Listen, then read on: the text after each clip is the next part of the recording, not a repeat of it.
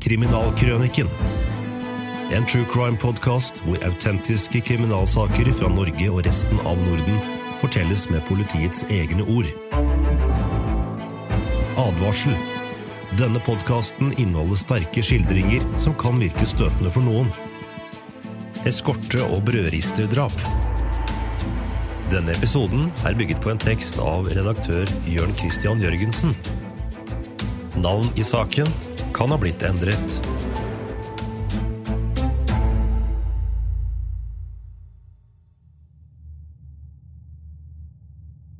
Knut Haug hadde omtrent alle odds mot seg da saken hans ble tatt opp til doms i Eidsivating lagmannsrett i september 1976.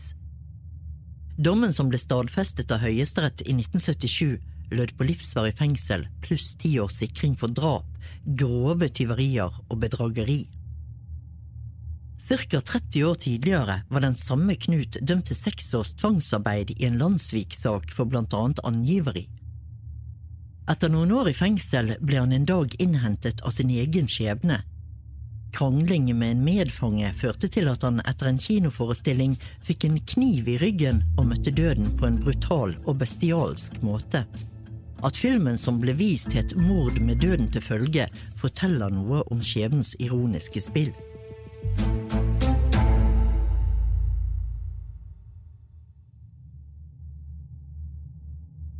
I ettertid kan man spørre hva som får en mann til å begå en av de alvorligste straffbare handlinger av det formatet det er snakk om her. Knut Haug ble dømt til lovens strengeste straff. Men det finnes forklaringer, og i de senere politiavhørene ga Knut svar på noen av de spørsmålene etterforskerne stilte seg. Likevel vil hans liv og levnet for alltid være en gåte, mye kan avgjort føres tilbake til barndommen, derfor er historien om Knut Haug i all sin grusomhet også en psykologisk thriller. De rettspsykiatrisk sakkyndige konkluderte med at Haug hadde varig svekkede sjelsevner, og at faren for gjentagelse var stor. Derfor fikk han ti års sikring. Noen vil vel kalle ham psykopat, denne diagnosen er imidlertid ikke så alminnelig i dag, men for å gi deg et inntrykk av hva man står overfor her, kan det være greit å sette en folkelig etikett på tilstanden. Med manipulering og ikke minst selvbedragets kunst kom man seg etter hvert svært langt. Knut hevdet i sin politiforklaring at han aldri hadde det vondt i barndomshjemmet sitt. Han vokste opp i Oslo, sier selv at han var mye alene og hadde få støttepunkter i livet. Han var ofte syk, men han gjennomførte skolegangen på vanlig måte. Under krigen gikk han på gymnaset, men fikk aldri fullført dette. Han hadde vært aktiv i ulike typer skoleorganisasjoner og deltok i ulike typer illegalt arbeid. Organisasjonen han var tilsluttet, sprakk. Han ble pågrepet og satt i arrest. Etter kort tid kom han ut, og han ble da oppsøkt av en mann som mente han hadde kontakter i statspolitiet og ville ha med i videre illegalt arbeid. Dette var imidlertid en felle, og litt etter litt ble han tvunget til å gå over i fiendens tjeneste. Jeg var for svak, sa han selv.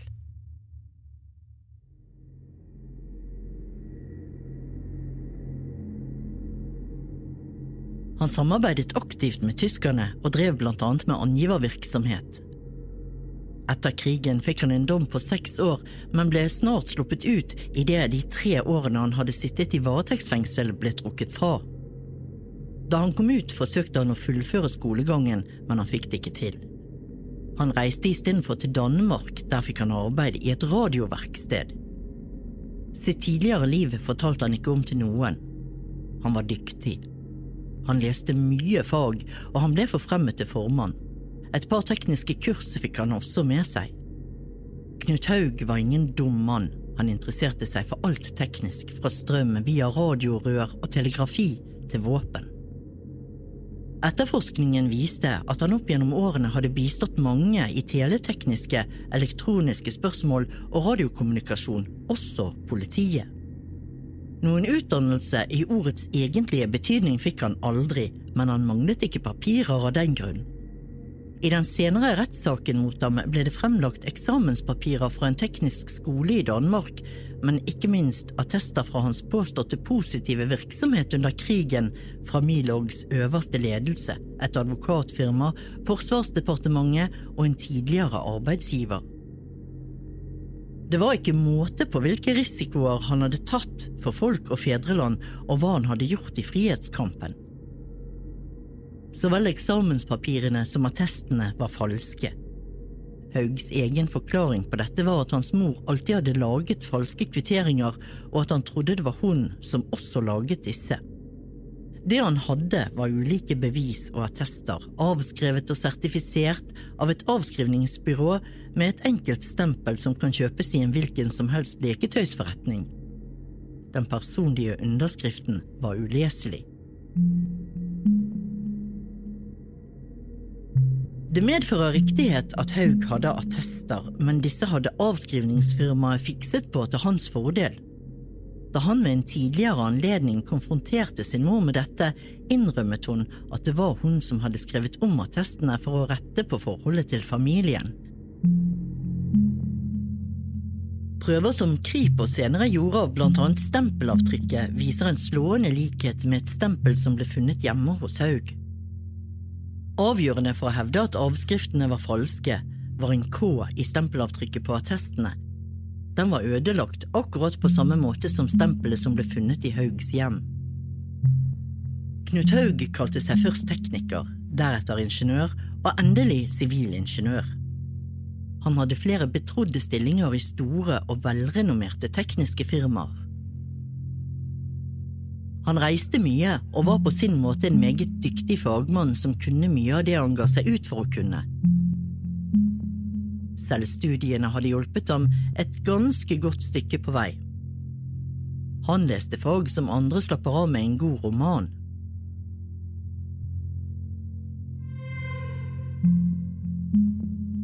På midten av 1950-tallet giftet han seg for første gang etter å ha vært forlovet et par–tre år med Astrid. Ekteparet fikk tre barn, hvorav ett døde etter bare få måneder. Dette gikk på mange måter utover det ekteskapelige samlivet, og om det ikke gikk inn på Knut, tok Astrid det svært hardt. For å døyve de følelsesmessige smertene etter tapet begynte hun å drikke. Kombinert med piller ga ikke dette et helt heldig resultat. En morgen etter at ytterligere et barn var født, ble fru Haug funnet død på sofaen i familiens stue. Astrid ble obdusert. Rapporten fra rettsmedisinerne viste at hun døde av en overdose med piller blandet med alkohol. På sett og vis sov Astrid seg inn i døden.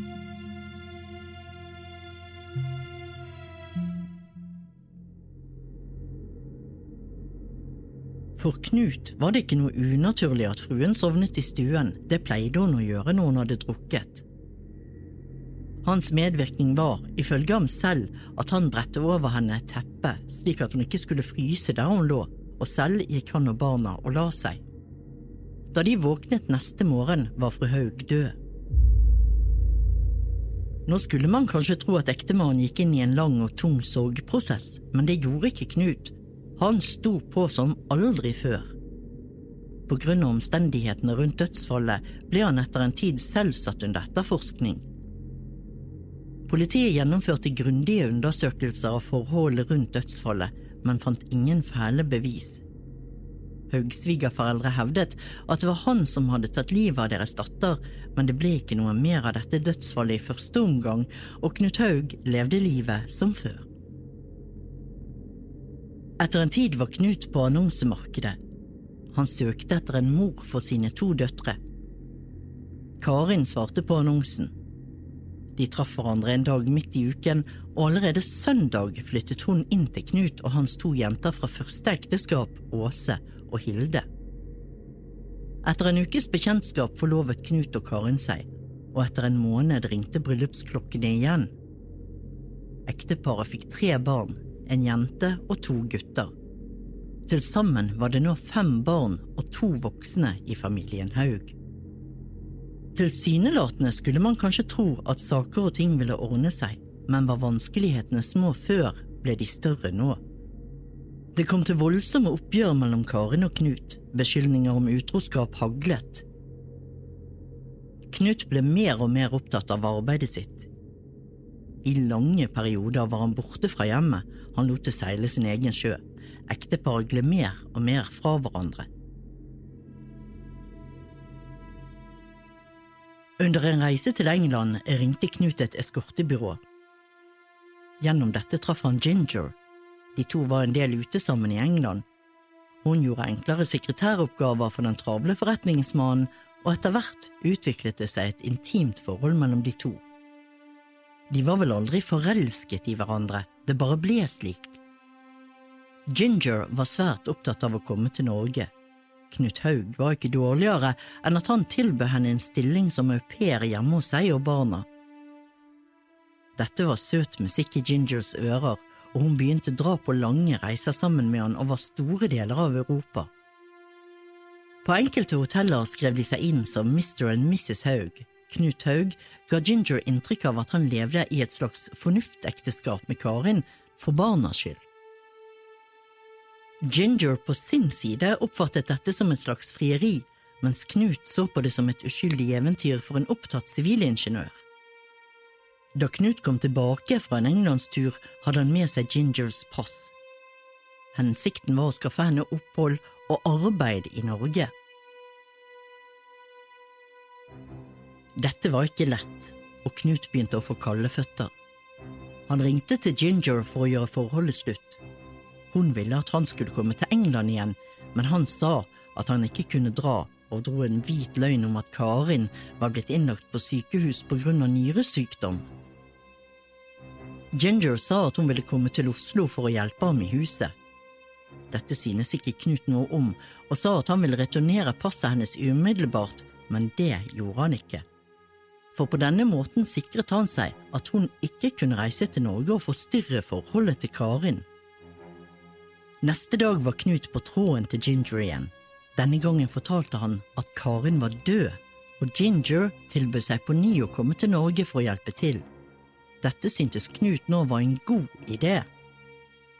Etter å ha rådført seg med det eldste barnet, aksepterte han tilbudet. Neste dag sendte han passet og flybillett til Oslo rekommandert og ekspress til England. Mellom de to telefonsamtalene må det ha foregått mye i Knut Haugs hjem.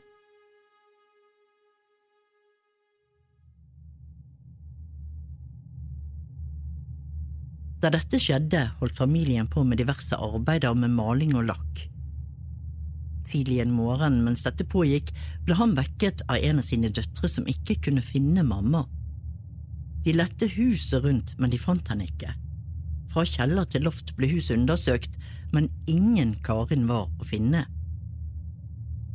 I sin første politiforklaring om dette var Knut Haug uklar, men han fikk sagt at han til slutt fant Karin på kjøkkenet, hvor hun var i ferd med å ordne noe som han beskrev det, og at han da løp opp i annen etasje for å vekke barna. Han hadde ingen annen forklaring, men lovte etterforskerne Nils Drolsum og Trygve Næss å tenke over saken og om mulig komme med en mer utfyllende forklaring neste dag.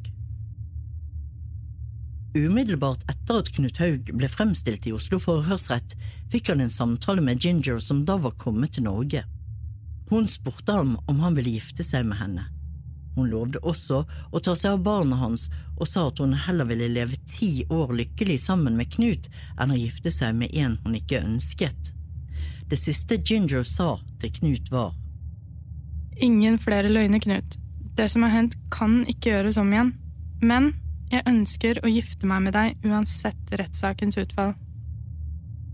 Ordene hennes gjorde et sterkt inntrykk på Knut.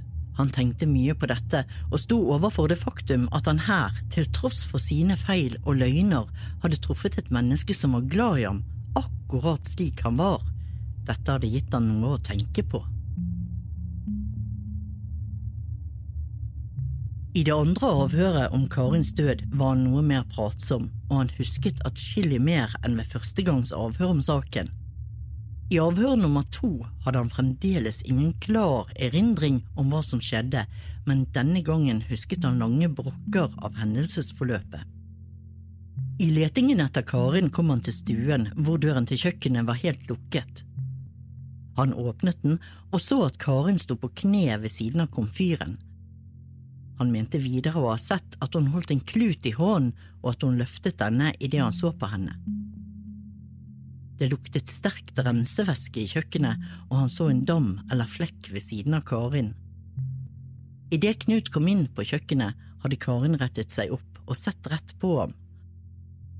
Han ble irritert over å finne henne der, og spurte hvorfor hun ikke hadde svart da hele familien gikk og ropte etter henne. Ifølge ham selv svarte hun en hel del som han ikke kunne si mer om, likevel kunne han huske at det ble sagt noe om hvem som skulle beholde barna, og noe som kunne ligne på Nå har jeg deg. Knut Haug kunne ha spurt om hva hun mente med dette, og etter hvert ble det en samtale ut av det, men han kunne ikke huske hva som ble sagt. Samtalen gikk stille og rolig, dog ikke uten enkelte høyrøstede rop. Han ønsket å hindre Karin i å rope, så han la venstre hånd over munnen hennes. Han mente selv at han ikke dekket til niesen, men han var langt fra sikker. Den andre hånden la han bak hodet hennes.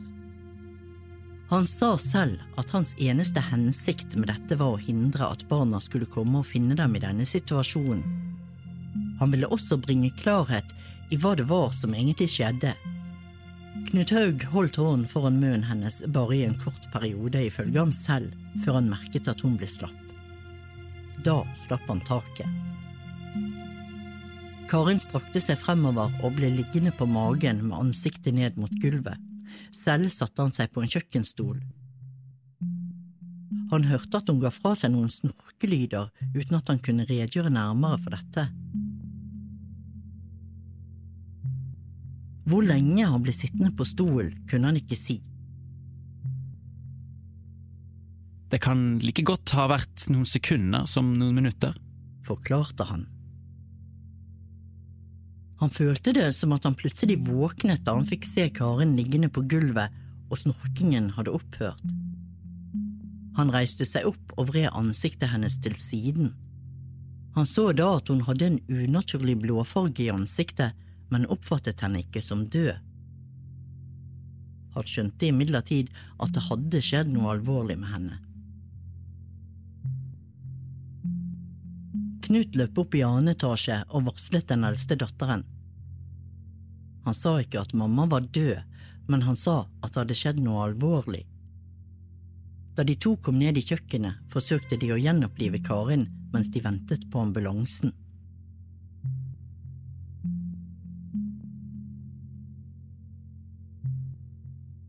I dagene før hendelsen hadde Knut holdt på å reparere både ovnen og brødristeren på kjøkkenet. Som teknisk ekspert på de fleste elektriske apparater gjorde han denne type jobber selv. Brødristeren hadde flere i familien klaget over. Den bruker så mye strøm, var et utsagn som ofte gikk igjen. Knut Haug skrudde, fikset og ordnet. Nå skulle det bli slutt på strømbruddene en gang for alle. Det viste seg senere at det var plassert en boksåpner under brødristeren og det er mulig at det var den som hadde forårsaket strømbruddene. Da Karin døde, sto brødristeren på gulvet ved siden av henne. Støpselet sto plugget i stikkontakten, og Knut fortalte at da Karin seg fremover, falt den ene hånden hennes på brødristeren med én eller flere av fingrene nede i en av sprekkene.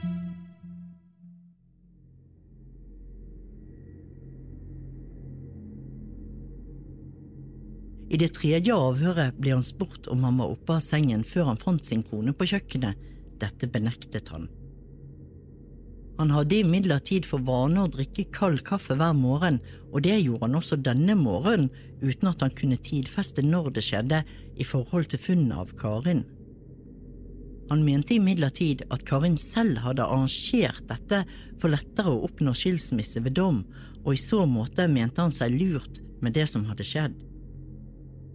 Knut Haug var allerede ved pågripelsen siktet for drap på Karin. Etter tredje avhør om dødsfallet ble siktelsen opprettholdt, men han benektet skyld.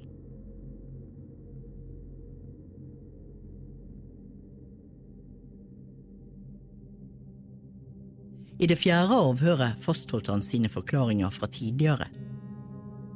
Han innrømmet imidlertid at han ikke kunne se bort ifra at han kunne ha tilført Karin elektrisk strøm. Han satt på kjøkkenstolen og hørte på snorkelydene hennes, og først da måtte han ha brukt elektrisk strøm. Han forbandt likevel ikke strømmen med brødristeren. At brødristeren sto på gulvet, kunne ha gitt han ideen om å bruke strøm for å skjule hva som hadde skjedd. På spørsmål om hvorfor han ga sin kone strøm, kunne han ikke forklare dette, men han lovde å forklare seg nærmere senere hvis han i mellomtiden skulle huske noe. Ved et femte avhør om drapet fortalte Knut at han hadde fått med seg en bag med ledninger og fotoutstyr fra en hytteflytting. Denne bagen hadde han tømt på spisebordet i stuen, og noen av ledningene var påmontert klyper og bananstikkere. Etter at han fant Karin og skulle opp i annen etasje og varsle datteren, fikk han se ledningene. Han tok en av disse med bananstikkene og satte dem i en strømførende skjøteledning. Han festet den ene til kluten i Karins venstre hånd. Den andre festet han til en liten smørsmelter som han førte over Karins høyre hånd, og etter dette hadde han så lagt hånden hennes over brødristeren. Ledningen med bananstikkere og krokodilleklemmer kastet han tilbake der han fant den.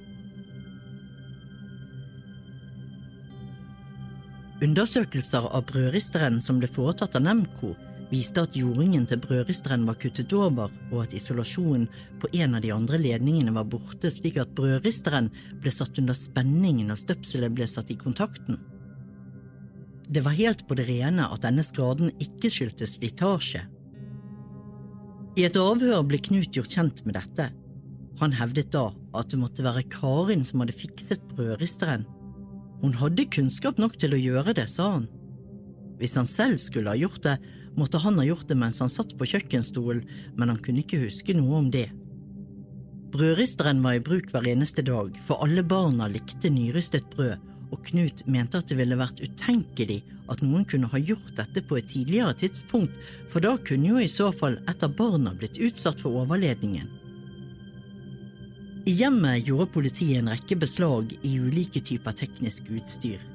Regnemaskin, skrivemaskin, ulike typer sender- og mottakerutstyr for telefon og telegrafi, diverse måleinstrumenter, antenner, mobiltelefon, fotoapparater og mye mer. Mesteparten av utstyret stammet fra mange av Knuts arbeidsgivere. Han fortalte selv at han tok med seg noe av utstyret hjem etter et tyveri hos en arbeidsgiver som han selv oppdaget og meldte fra om til politiet. Noen av tingene var ødelagt, og dette var ting han skulle reparere før han kunne ta de med seg tilbake til jobben. Knut hadde mye av dette utstyret i sin egen garasje, men noe ble også funnet inne i huset. Tyveriet ble meldt til forsikringsselskapet, som i sin tid foretok en rimelig erstatningsutbetaling.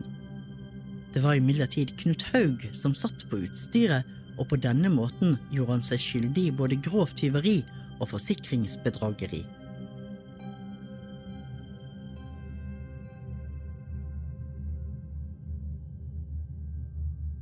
Knut hadde nå flere tiltalepunkter hengende over seg. Dokumentforfalskning, drap, grovt tyveri og bedrageri. Etter hvert som den videre etterforskningen skred frem, ble tiltalen utvidet til også å omfatte drap på hans første hustru, Astrid. Det er uvisst om Knut hadde noen bevisst forestilling om hva han egentlig hadde gjort.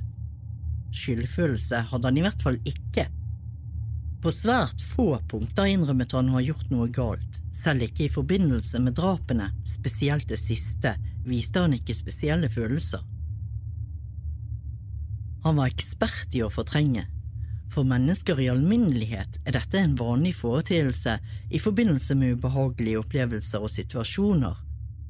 Men for Knut Haug var det en overlevelsesmetode som mer må karakteriseres som en livsform han innrømmet riktignok at han løy mye, og at han gjerne dro en hvit løgn når det var nødvendig, men hele livet hans på de aller fleste punkter vitner om løgn og bedrag og selvbedrag. Hvor mye han forsto av dette, kommer frem av pågripelsesrapporten etter drapet på Karin. Daværende førstebetjent Henry Nilsen, som pågrep Knut Haug i hjemmet hans, skriver at han gjorde han oppmerksom på at han måtte betrakte seg som mistenkt, og da spurte Knut. Er det noe grunnlag for det?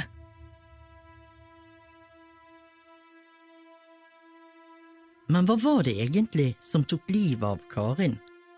Var det Knut Haugs grep over munnen, eventuelt nesen, eller var det strømmen? Dette var alvorlige spørsmål som politiet og senere retten måtte stille seg. Dommen er klar, her står det. Med overlegg å ha forvoldt sin hustru Karin Haugs død ved kvelning og eller ved å la et strømførende apparat berøre hennes legeme. Dommen er også klar når det gjelder Haugs psykiske tilstand. Han erklæres ikke for sinnssyk eller bevisstløs i gjerningsøyeblikket, men beskrives som en mann med mangelfullt utviklede sjelsevner. Ved utmåling av straffen la retten vekt på at tiltalte ble funnet skyldig i overlagt drap i grove tyverier, forsikringsbedragerier og dokumentforfalskninger. Retten fant det videre bevist at Knut Haug tok sin hustru av dage uten noen som helst foranledning. Hustruen var familiens sentrale skikkelse som hadde et ytterst godt forhold til både sine to stebarn og sine egne tre, heter det i dommen. Videre står det å lese at tiltalte hadde imidlertid fått kontakt med en engelsk kvinne og hadde lovet denne ekteskap. Det var åpenbart tiltaltes hensikt å oppfylle denne forpliktelse, og retten sier ellers at tiltalte handlet etter en målbevisst plan. Hustruen måtte skaffe seg veien for at den engelske kvinnen skulle overta hennes plass. Planen var så nøye utarbeidet at kvinnen kunne rykke inn og overta som familiens husmor bare to dager etter hustruens bisettelse. Tiltaltes fremgangsmåte var kynisk. For å unngå spor som kunne lede til avsløring av drapet, foretok tiltalte en snedig kamuflering for at hustruens død skulle få karakter av en hjemmeulykke. Retten finner det godgjort at den elektriske brødristeren var et ledd i denne kamuflasjen, selv om den ikke nødvendigvis har vært den direkte årsaken i den handlingsrekke som førte til hustruens død.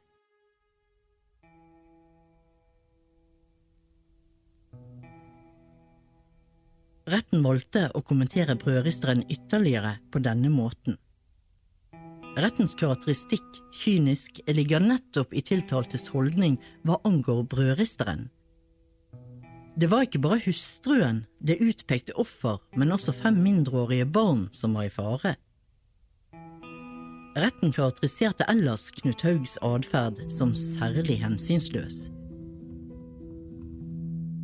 uten tanke på barnas ve og vel, berøvet ham den moren som de hadde et ualminnelig kjærlig forhold til.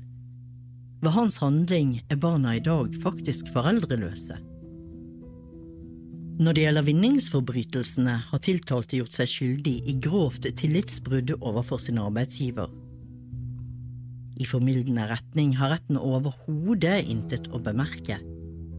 For ordens skyld nevner retten at den ikke har tatt hensyn til landssvikdommen, der denne ligger mange år tilbake i tiden. Knut Haug ble ikke dømt for drapet på sin første kone. Det synes imidlertid klart at han hadde et sjeldent avstumpet følelsesliv. Vi skal også merke oss at han aldri tilsto at han hadde gjort noe galt, dette til tross for at han ble idømt lovens strengeste straff. I så måte er straffesaken mot ham svært spesiell.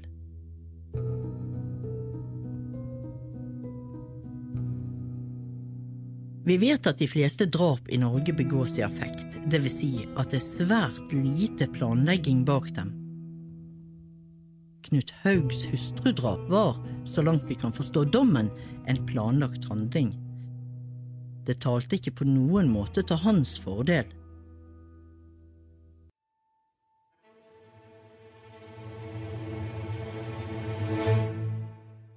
Mennesket Knut Haug er og blir en gåte. Det finnes fremdeles mange ubesvarte spørsmål, ikke som ville forandre saken, men som ville kaste lys i det psykologien gjerne kaller sjels underbevisste jeg. For ordens skyld, Ginger var helt utenfor det hele. Hun var bare en brikke i Knut Haugs gigantiske spill og ble aldri tiltalt. Etter at Knut mottok sin dom, flyttet hun tilbake til England. Knut Haug ble dømt til livsvarig fengsel pluss ti års sikring. Han fikk imidlertid ikke sone lenge. Etter noen måneder i langtidsfengselet ble han drept av en medfange som ga ham et knivstikk i ryggen. Kniven hadde medfangen stjålet i fengselets kjøkken. Knut Haug ble stukket i ryggen, og han blødde i hjel. På en måte var ringen sluttet. Du har hørt Eskorte og brødristedrap. Bygget på en tekst av Jørn Christian Jørgensen. Forteller var Marianne Mo. For flere podkaster fra Radiometro, se radiometro.no.